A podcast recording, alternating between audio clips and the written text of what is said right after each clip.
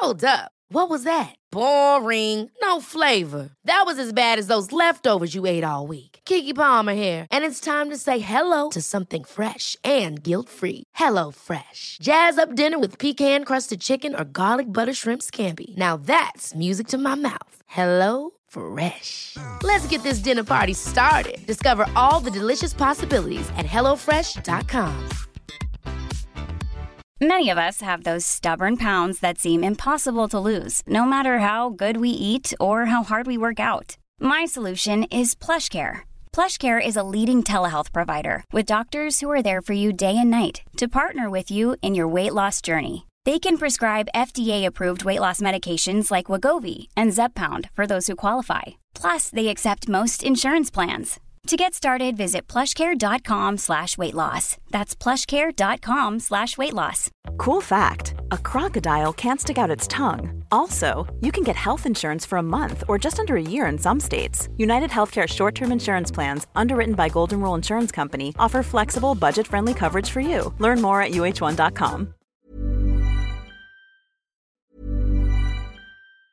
In the market for investment worthy bags, watches, and fine jewelry, Rebag is the answer. Rebag is a luxury resale platform where each piece is carefully inspected by experts to ensure quality and authenticity. Use Rebag to buy and sell finds from the world's top brands, including Louis Vuitton, Chanel, and Cartier. Head to Rebag.com to get 5% off your first purchase with code REBAGNEW. Shop today at Rebag.com. That's R E B A G.com. And use promo code REBAGNEW for 5% off your first purchase. Ever catch yourself eating the same flavorless dinner three days in a row? Dreaming of something better? Well, HelloFresh is your guilt-free dream come true, baby. It's me, Kiki Palmer.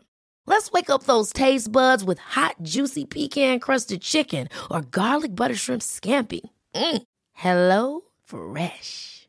Stop dreaming of all the delicious possibilities and dig in at HelloFresh.com. Let's get this dinner party started.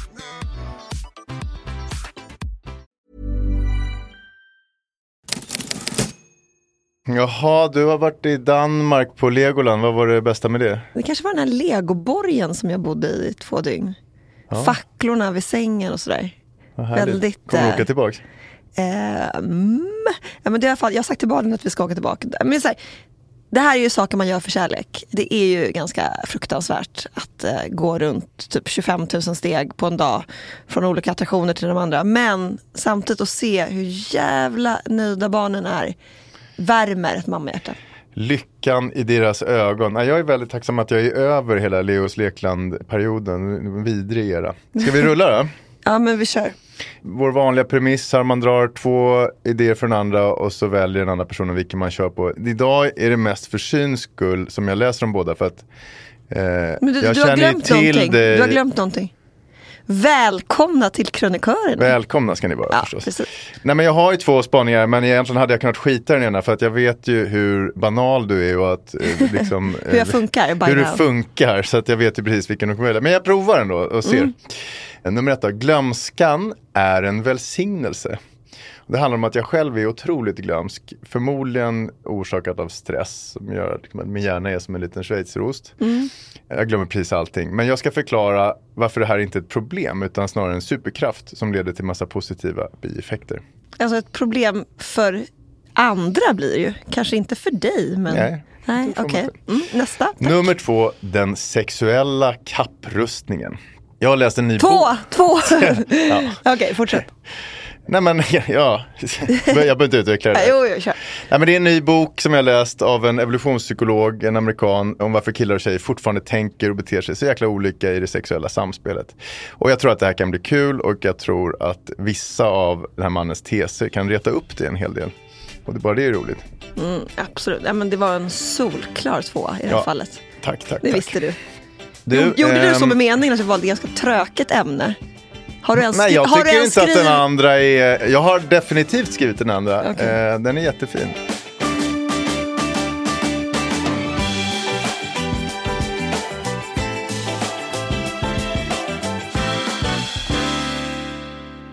Nej men så här då. Hur många gånger i ditt liv har det hänt att män har missuppfattat dina signaler? Något leende eller någon uppmuntrande kommentar och, och inbillat sig att det är ett sexuellt intresse från dig? Jättemånga gånger. Har du något riktigt bra exempel? Nej men det är som att liksom, det här med att man, om man bara är trevlig tillbaka så är det som att man är så här, Välkommen in. she is up for it. Ja. Nej men det, det var ju en kille, men det var ju faktiskt inte bara jag som drabbades av honom utan ganska många. Som liksom mitt när man bara stod och snackade bara böjde sig fram och började tvångskyssa en. Otroligt vidrigt. Ja. Det fanns inga signaler från min sida att det här var okej. Alltså, han tyckte ju det. Men, och han gjorde samma sak med min syrra, det är det som är så jävla sjukt. Oj, oj, oj. Han kanske hade någon, han skulle in i och Klimpa, han skulle in i Ja, den fina kultursläkten. Exakt. Ja, men jag har några tillfällen från 20-årsåldern där jag helt missuppfattade situationer. Jag har en jobbig, ett jobbigt minne från Sturekompaniet, nattklubben i Stockholm. Jag hade stått och snackat med en tjej halva kvällen i baren och jag kände jättetydligt att kemin var där. Det var liksom 100% hur den här kvällen skulle sluta. Så då gjorde jag den här eh, gamla klassikern när man gäspar "Åh", och så drar man ut armen och så halar man in henne och går för kyssen. Och när jag gjorde det så ryggade hon tillbaks som om jag var någon jävla rabiessmittad byracka. och bara skakade huvudet med och en hånfull blick eh, mot Alltså, vad mig. fan liksom. trodde du? Vad fan trodde du? Och det har varit några liknande situationer där blicken kanske har varit mer överseende. Sådär, att, eh, Ja, liksom, då tycker man "Åh, synd om, den är nästan ännu värre. vad gulligt du trodde. Ja. men, och de där tillfällena de var så jävla smärtsamma så att jag tror att de förvandlade mig till en mer tillbakadragen betahanne. Du vet, sån som inväntar ett liksom, 100% klartecken. alltså, Bränt barn skyr elden. Exakt. Man väntar på ett tydligt klartecken innan det är liksom dags för eh, parningslek. Och jag berättar det här för att jag har skummat en bok. Jag säger skummat för Tänk att det, om det var du som hade skrivit den där boken, så har du så någon jävel som bara skummat den. Ja men alltså, jag vill vara ärlig för att det är en skymf att säga att jag läst den mot de som verkligen har läst ja, den. okej, tack. Och det är väldigt få böcker som jag läser ordentligt numera. Det är en jävla massa skummande. Eh, Men visst har man nästan blivit förstörd av liksom, tv-serier där man kan spola fram och man orkar medier inte. helvete. Jag skummar allt, eh, det är skitdeppigt. Men det är en annan eh, diskussion någon annan gång. Det är en men, annan men, spaning. Det är en annan. Men hur som helst, jag har skummat boken Toxisk maskulinitet, oj vad svårt. Varför män beter sig illa av David Buss. Han är professor i psykologi och, och räknas som en av grundarna till evolutionspsykologin. Och ska man summera vad den här boken handlar om så är det att kvinnor och män sedan urminnes tider är del i någon slags sexuell kapprustning. Männen kämpar om någon begränsad tillgång till tjejer att fortplanta sig med och tjejerna kämpar för möjligheten att själva välja en lämplig partner för sina få och dyrbara tillfällen. Och att män till exempel inte kan uppfatta en kvinnas brist på sexuellt intresse vid en bardisk på Sturecompagniet kan då enligt David Buss förklaras helt och hållet med evolutionspsykologi. Och det här är ju lite kul tycker jag. Ja. Det är rätt mycket jämförelser med djurvärlden. Ibland blir det lite trubbigt. Vi är ju lite mer mångfacetterade än djur. Men ofta när man skummar boken så känner man, fan så här är det ju faktiskt. Och väldigt mycket handlar om hur och varför man väljer en partner. Han eh, har en, eh, ett exempel om, en- från en studie där man låtit hyfsat snygga personer gå fram till folk och säga Jag har lagt märke till dig på universitetsområdet och tycker du är väldigt attraktiv. Vill du ha sex med mig? Om du får gissa, hur tror du reaktionerna skiljer sig här mellan män och kvinnor? Jag tror att om 100 kvinnor ställer den frågan Mm. så kommer liksom 95 av männen svara ja, jag vill gärna ha sex med dig. Mm. Och ställer 100 män den frågan så kanske fem kvinnor max svarar att de vill ha sex. Ja men du har nästan rätt. I stort sett inga kvinnor tackar ja till det här. Av männen så säger majoriteten ja, inte 95% men mer än 50. av de som tackar nej, tackar inte helt nej utan de ber att få numret och, Ja, få ja, återkomma. lämna en dörr öppen. Mm. Ja, kanske när flickvännen reser bort eller vad fan vet jag Ja, hur de har tänkt där. Men det man kan ju summera är att tjejer behöver ju mer information innan det överhuvudtaget blir intressant för dem. Killar Exakt, exakt. väldigt reptiliga i huvudet där. Och David Bass förklaring till skillnaden mellan mäns och kvinnors partnerval är då att kvinnan har mycket längre graviditet, eh, förlåt, kvinnan har en graviditet överhuvudtaget. Ja. Eh, och ett begränsat, förmågan till begränsat, att få ett begränsat antal barn. Ja, alltså, De vill ha killar som kan ta hand om en familj helt enkelt. Ja och vice versa.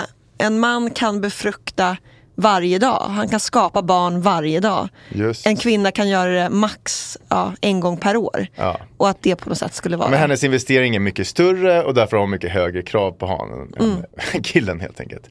Och därför har också tjejer utvecklat en förmåga att undvika helt jävla odugliga hannar, vilket är ju lite kul.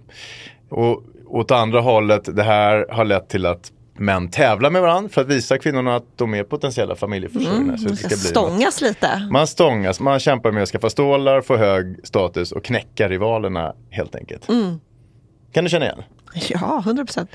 En, vi pratade om det här med djurkopplingar. Det, favoritdjurkopplingen i den här handlar om någonting som heter presentspindeln. Ett ganska kul jämförelseexempel. För att få ligga med en hona så måste presentspindeln fånga en insekt och skänka den till henne som en gåva. Ja, morgongåvan. liksom. Morgongåvan och medan honan äter upp den här knapriga lilla eh, morgonpresenten så låter hon sig bli befruktad av hannen. Påsatt, så det är en härlig grej. Exakt så. Käka och sex samtidigt. Exakt så. Men det, det, eh, det här handlar ju om sexuell kapprustning, åtminstone vad titeln är. Så att, då är det inte så enkelt att det bara är så här. Utan ibland så blåser hon hanen. Hon nappar åt sig insekten och de kanske ler lite som spindlar gör mot varandra. Eller vad vet jag. Nappar åt sig insekten och drar. Innan hanen har fått göra det som Fan han vilken kom för. cockteaser. Exakt så, vilket gör att han blir såklart helt knäckt. Han har gjort grundjobbet, det han trodde krävdes för att få ligga lite. Ah, ja. eh, men blir helt blåst på konfekten. Han har duschat, han har rakat Han har sig i intimområdena. Han har gjort sig fin, parfymerat ljumskarna. Mm. Och då har då i kapprustningen hannen utvecklat en, en liten motgrej här. För att undvika att bli blåst av de här kockblockerhonorna så har han en annan strategi som är att han slår in insekten i ett litet silkespaket som han då spinner. För att öppna det här paketet tar nämligen en liten stund. Oj, så slukt. Och medan honan öppnar presenten och håller fokus på det så hinner han kliva på så att säga. Ja, gud vad, vad sorgligt att det krävs. Ja, Sen har de en ännu fulare taktik. Samtycke skriker jag. Ja. I och med att det är lite mäckigt att fånga en insekt. Det tar lite tid att hålla på och jaga någon liten bagge eller vad fan det är för något. För att slippa lägga massa Nej, tid på han det. slår in någonting annat. Han slår in en jordklump, en Nej. sten eller lite vad fan som helst, en liten ört. Och så ger han till honan. Och när hon står där jätteglad och liksom öppnar det fina silkespaketet och han stånkar bakom. Nej. Alltså han har hunnit göra det han vill innan hon har hunnit Ens upptäcka syna att hon har fått en, bedrägeriet. en hög med skit liksom, Ja. inslagen. Förstår du? Och kopplingen till människor är ju då att vi utvecklar olika strategier i det sexuella spelet för att få Ja. som man vill och för att avslöja bedragare helt enkelt. Det han kallar det här exemplet med presentspindeln principen om den sexuella konfliktens samevolution. Alltså för varje taktik som det ena könet utvecklar har det andra könet ett försvar. Just det. En sexuell kapprustning. Hur Ja. mycket bedragarspindlar har du råkat ut för? Lurifaxar som inte är vad de Ja, utger jag har nog vara. träffat alla de där tre typerna som du nämnde. Har du det? När du tittar under huven så var det liksom inte en Ferrari-motor lite riktigt, det var en lada. Det är inte riktigt det jag går igång på, men eh, absolut. Bildligt talat. Ja, ja, bildligt talat. Men, Nej, men absolut. ehm, Nej, men det har man ju gjort. Och stått där. En fråga då. Alltså hur mycket uppvaktning kräver du egentligen? Hur mycket silkespaket ska det vara? Jo, ganska mycket tror jag. Ja. Ja. Jag, ja, men jag behöver mer information, precis så som du sa. Alltså för att kunna... Låt mig ställa den här frågan då. Du är på första dejt med någon som verkar lite kul. Notan kommer in och han föreslår att ni ska dela den. Kommer han få ligga efteråt? Ja, Alltså, det var så länge sedan jag dejtade, men jag var ju väldigt mycket sådär att jag helst tog notan. Eller Som någon härskarteknik? prusade hälften. Jag hade, väldigt, liten. Och... ja, jag hade väldigt svårt för så här. Alltså romantik för mig är inte att man liksom bjuckar mig på saker eller liksom öppnar dörrar eller står med ett rosfång utan det är en helt annan omtanke. Men eh, nu när jag verkligen är vuxen, nej, jag skulle tycka att det var ganska oattraktivt om mannen inte föreslog att ta notan. Ja, Så det blir inget, det blir puss på kinden och vi hörs aldrig. Mm. Ja, ja mm, kanske. Mm. Men du, nu hoppas jag lite på att få reta upp feministen i dig. För det är ändå kul när det händer. David Buss hävdar nämligen att kvinnans preferenser när det gäller partner är en del i den orsakskedja som har lett fram till patriarkatet. Oj, det är alltså kvinnornas fel? Det är ert fel. Jaså? Ja.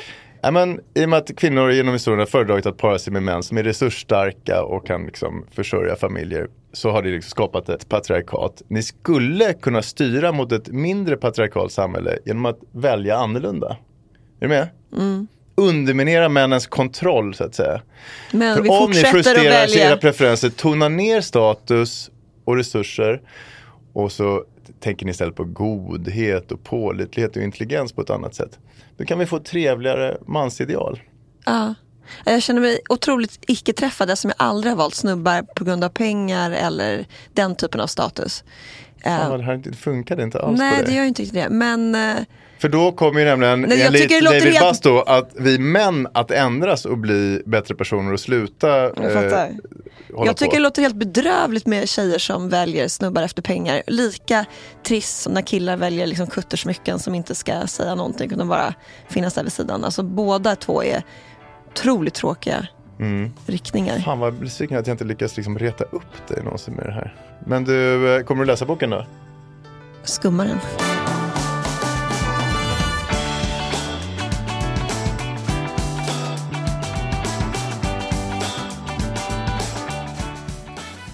Är sponsrade av Brämhults och det fick mig att tänka på min favoritserie Better Call Saul som är en avknoppning av Breaking Bad.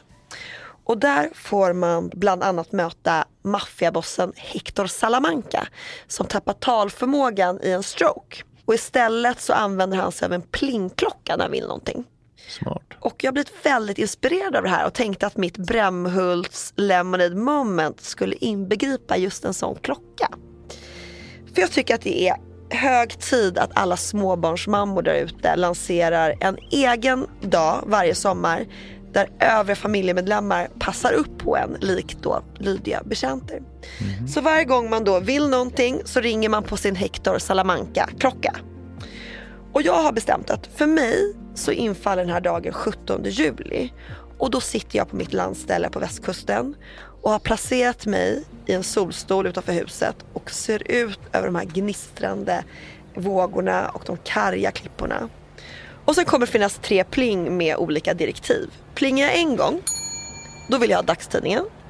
Plingar jag två gånger, då vill jag ha fotmassage.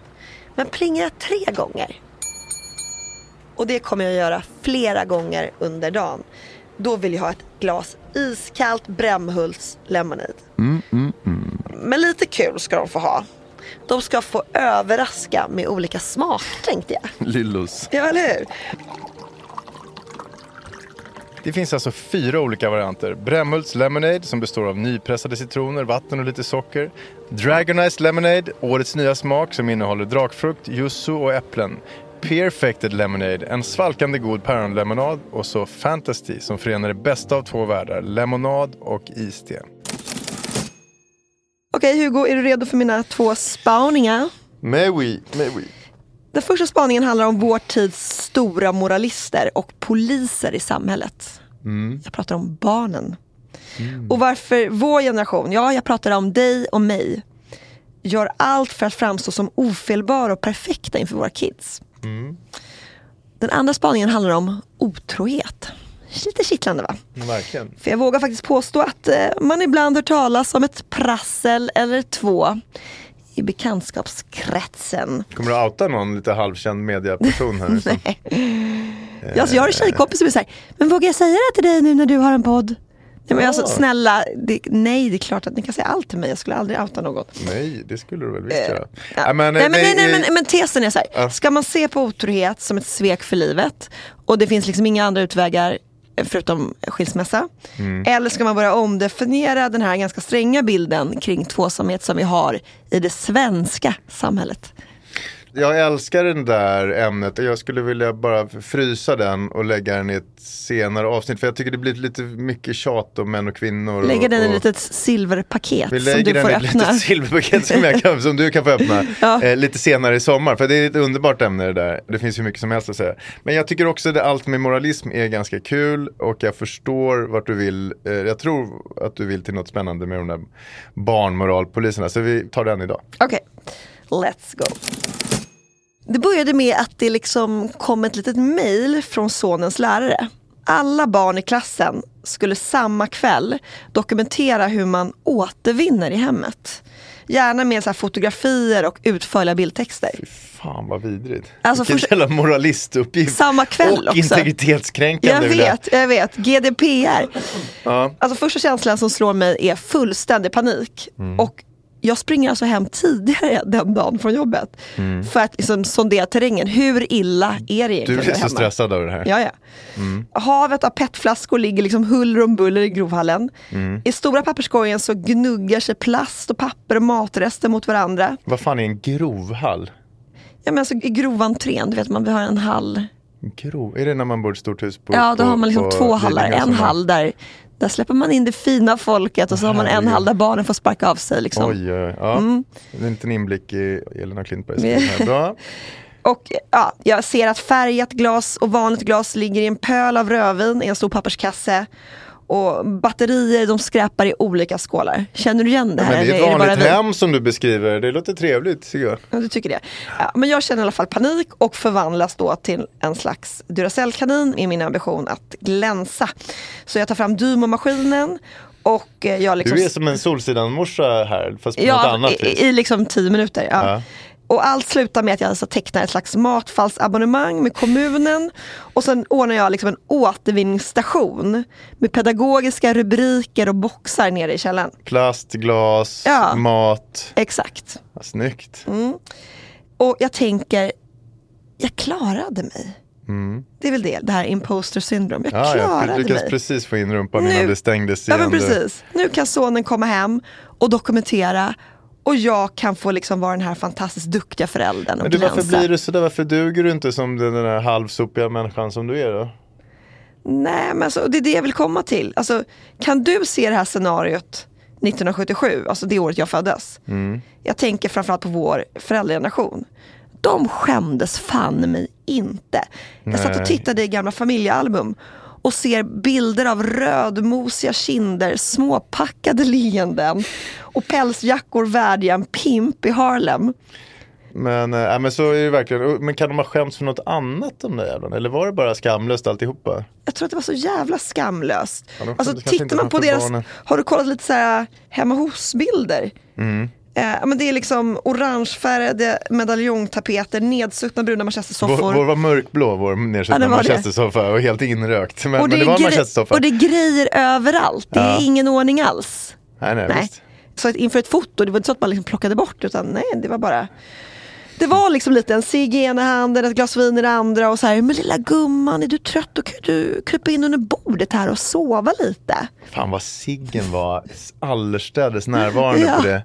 Jag var ju så här ögonblicksbilder. Hela min, vi hade en liten grön Fiat som vi reste runt med i Europa. Mamma och pappa satt där fram. Blossade. Och blossade, stängde ut och jag låg där bak, låg i Ja, baksätet, läste serietidningar och hostade och så var det inte mer med det.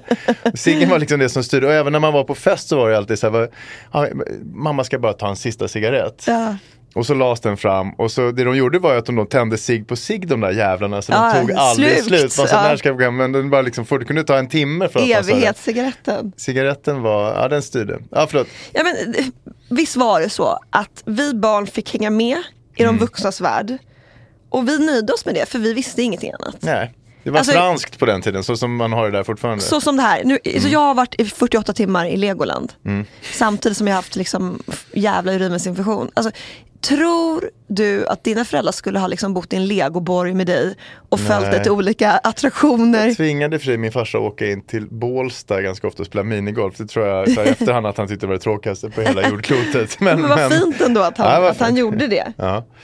Och men jag tänker också om vi pratar med barnpoliserna, för att våra barn är ju så vana vid det här så att ingen kan spänna ögonen i oss eller ge oss ett lika besviket ansiktsuttryck som våra kids. Nej.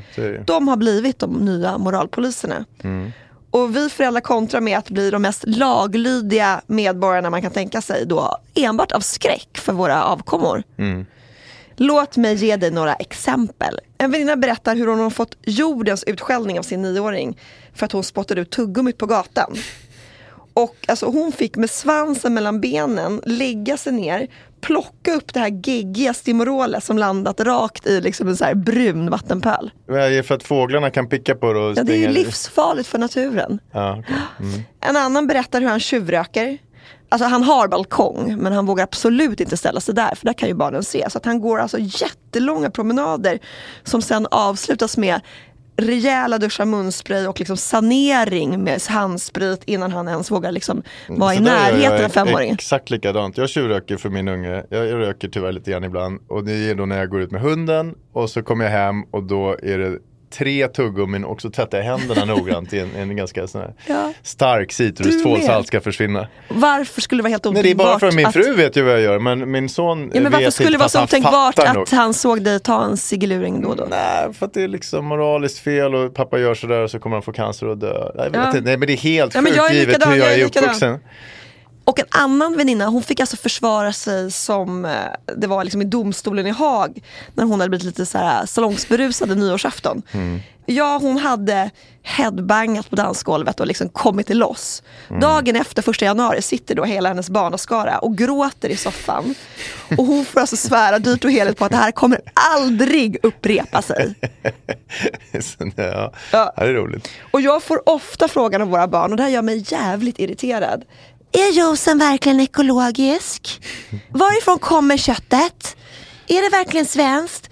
Alltså Jobba ibland, själv era små svin om ni ska köpa Ja, ekologiskt ljus. Eller liksom alltså en- ibland så drar man ju in på Lidl och så köper man fuläpplen från det är Polen. ju det alla gör nu. Ja, alla handlar på Lidl. Det är Ful- dyrt och, ja, men, och en redig biff från Irland. Men kan du inte behålla det ekologiska picket och så bara hälla ner din fula Bravo-juice i liksom något dyrt? Men jag orkar Eh, inte liksom Man bli... köper förstås juicen på Brämhults måste jag säga. Ja, det är klart. Ja. Jag orkar inte bli liksom skammad på det här sättet. Nej. Men så här, det är inget nytt fenomen att barn i alla tider varit lika präktiga som kristdemokrater på crack. Det ligger liksom i barnens natur att ha Luther tungt på axeln. Men vi uppmuntrar det här och det är det som är problemet. Jag tror att det var Liv Strömquist som just myntade det här med en seriestripp att barn är kristdemokrater. För att om man tänker på det, Det är jävligt väl funnet. de älskar poliser. De älskar traditioner, de älskar rutiner, de älskar kärnfamiljen och de tror på Gud. Det är, ju en kristdemokrat. Väldigt sant. Och jag tror liksom, det är ju här vi skiljer oss, det är här vår spaning kommer in. Vi göder de här kristdemokraterna. Vi följer deras moraliska kompass som de vore de 95 teserna uppspikade på kyrkoväggen. Vi vill så förtvivlat gärna vara duktiga och göra dem stolta över oss. Och är det inte bara del i att vi låter barn styra och ställa alldeles för mycket numera? Absolut, det är samma sida av myntet. Ja. Och det är här vi verkligen skiljer oss från våra föräldrar. För de, apropå vår spaning förra veckan, för de var liksom good enough, bra nog på ett helt annat sätt. Alltså inte skulle väl en 70-talsförälder ha lagt sig klockan halv nio på kvällen bara för att barnet vägrar att somna själv. Nej, så gör jag varje kväll. Inte skulle väl en förälder på 70-talet maktlös sett på medan treåringen själv öppnar frysen för att ta fram en tredje glass precis innan maten. Ah, Så hade jag för sig jag, men jag var ensam barn och lite bortskämd. Att, men jag fattar. Ja, men båda de här två exemplen har jag sett den senaste veckan. No, names. No no names. names. Jag hänger inte ut någon i den här podden. Nej, nej. Ja, men vad är det med Det vår tar vi otrohetsavsnittet sen, då blir det namn. Ja. men vad är det med vår generation som gör att vi alltid vill glänsa och vara så perfekta? Är det för att våra föräldrar inte var men det? Precis, det kan väl vara en liten revolt mot dem, absolut. Sen kanske det är för att det är bättre, vad vet jag. Alltså, Ja, men man, man romantiserar det gamla men det fanns väl nedsidor med att ligga där och hosta i baksätet på Fiat. Ja, ja, eller ligga utan, i, utan, sovandes under en bardisk. Ja. ja. Ja, men precis, så här tror jag. Eller jag börjar med att ställa den fråga. Vilka tror du var tryggast i sin föräldraroll? Vi eller våra föräldrar?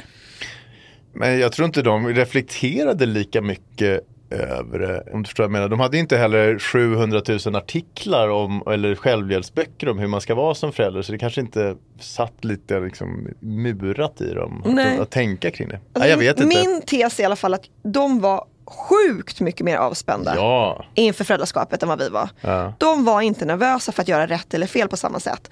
Och de lät inte barnen sätta agendan. Mm. Men trots hela den här äh, utläggningen om vår flathet och vår skenhelighet så tror jag ändå att vi är mycket bättre föräldrar. ja, men det är ändå värt att säga och ge oss en Ja, klapp på axeln. ja, väl. men jag tycker vi är verkligen. rätt fina. Alltså, du är rätt fin som står där stackaren från Legoland istället för att dra till Paris och shoppa och Ja. äta god mat och låta de där små nötterna följa med dig. Eh, Ja, men jag det tror kanske att- kanske skulle göra nä, nästa gång och för sig. Ja, kanske. Plus här, de frånvarande farsorna från den där gamla generationen.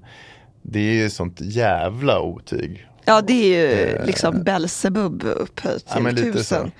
Men jag tror att vår generation, här vill jag verkligen ge oss en klapp på axeln, vi anstränger oss. Mm. Vi bryr oss. Och vi är närvarande i våra barns liv på ett sätt som våra föräldrar inte ens kommer i närheten av. Nej. Så vi vinner ändå. Nej men nu, det återstår att se om våra ansträngningar kommer skapa lyckligare ungar. Vi behöver 10-20 år till och sen lite vetenskaplighet på det. Sen får vi se. Ja, spännande. Intressant spaning.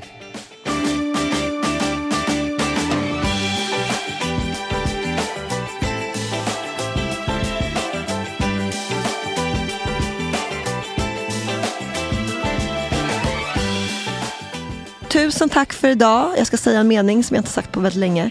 Glöm inte att prenumerera. Glöm inte att prenumerera och glöm inte att ibland slå in lite skit i en liten silkespresent så kan det bli mm, kul.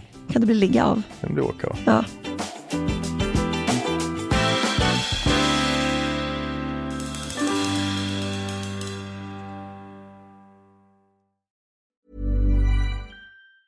Ever catch yourself eating the same flavorless dinner three days in a row?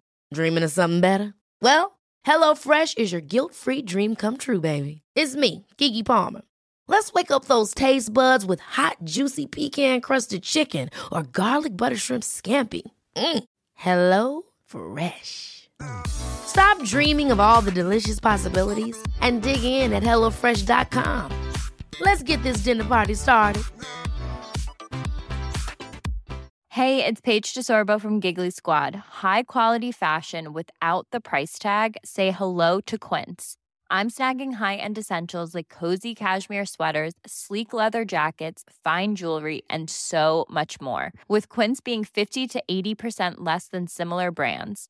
And they partner with factories that prioritize safe, ethical, and responsible manufacturing. I love that. Luxury quality within reach. Go to quince.com slash style to get free shipping and 365 day returns on your next order. Quince.com slash style. Imagine the softest sheets you've ever felt. Now imagine them getting even softer over time. That's what you'll feel with Bowl and Branch's organic cotton sheets. In a recent customer survey, 96% replied that Bowl and Branch sheets get softer with every wash. Start getting your best night's sleep in these sheets that get softer and softer for years to come. Try their sheets with a 30-night guarantee. Plus, get 15% off your first order at bowlandbranch.com. Code BUTTERY. Exclusions apply. See site for details.